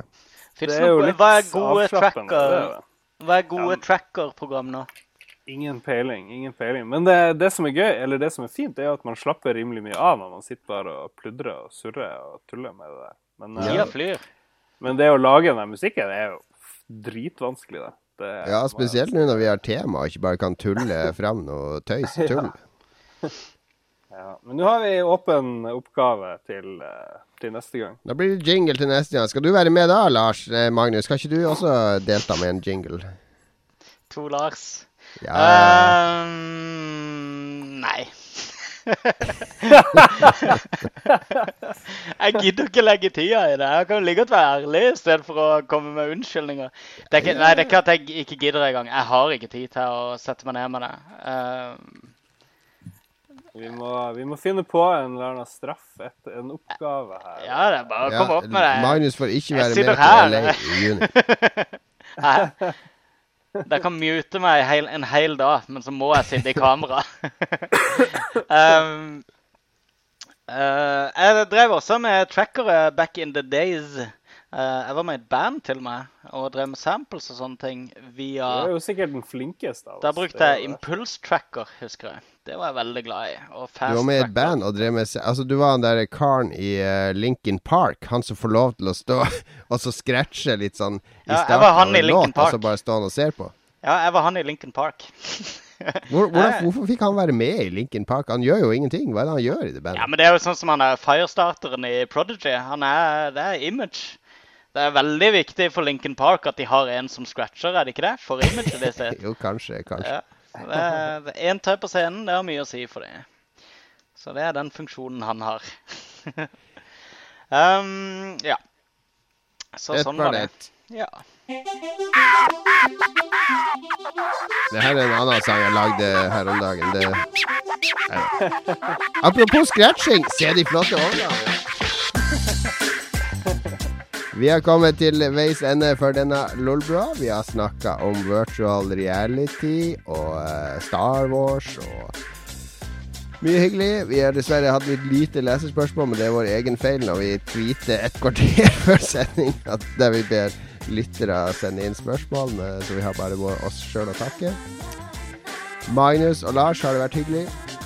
Jeg har Ja, det meg. Det har vært helt supert. Og det er bra, bedre med to leserspørsmål enn 25 som vi hadde sist. For å si Ja. sånn. Ja. Det begynner å bli et lite sånn her ukehøydepunkt, eh, dette her med å sette seg ned og, og eh, skravle litt på, på internettet. Kose, Det er godt å høre, Marius. Da blir jeg glad. Og vi har Ja. quiz neste uke, har vi ikke det, Vi har, vi har quiz 1. april. Selveste Nei, nå tuller du. Nei, nei jeg, jeg tuller ikke. Eh, 1. april klokka tolv på natta. Ja, det, det er faktisk quiz 1. april klokka syv på Tilt i Oslo. Kom dit og møt meg og Magnus. Eh, Lars er med oss i ånden. Vi kan lukte ånden helt ned til Oslo. Jeg skal se en konvolutt med ånd ned til dere. Det blir veldig hyggelig på tirsdag. På Jeg gleder meg veldig til quizen. Ehm, det gikk grusomt bra sist. Vi brukte faktisk opp alle arkene vi hadde printa, alle svararkene. Ja, det var rekordoppmøte sist, så Ja, vi eh, maksa jeg satser på at mange av de kommer denne gangen. Ja, det tror jeg òg, for det var en bra quiz sist også. Og det Og er lover vår vi å felles venn. Kjell er også tilbake fra USA. Så Ja, jeg snakka med han tidligere i dag, faktisk. Da jeg var på leiding etter norgesglass. Da ringte jeg selvfølgelig en høn for å for. Veldig bra. Yes. Veldig bra. Og neste uke hørt, så kommer jeg til å ha eh, mye å prate om. For jeg, jeg har planer til helga. Akkurat. Yes. Jeg kan ikke snakke om det nå. Det blir neste gang. Det er teaser. Spar det til neste gang. Ja. Vi, eh, nei, vi takker for følget til alle som har eh, hørt på oss i dag. Eh, følg oss på Twitter, Lolbua, eller oss eh, individuelt. Jeg heter Fleksnes. Magnus heter Magnus Tellefsen. Og Lars heter Lars Rolsen. Lars Rolsen. Du kan eh, følge alle sendingene våre, se de om igjen på lolbua.no eller nboss.no. Du kan selvfølgelig også følge oss på iTunes. Og eh, vi trenger litt sånn upvotes på iTunes. Uh, hvis folk kan gå inn og gi oss uh, Bare gi oss de antall stjerner du syns du fortjener. Hvis det er én, to, tre, fire eller fem. Det Det er spiller ingen rolle for oss. Men, men skriv et par user reviews og sånn, så, så, vi, så vi blir litt synlige på iTunes, så blir vi glad. Do it! Do it. it. Vi takker for i dag. Ha det bra. Ha det!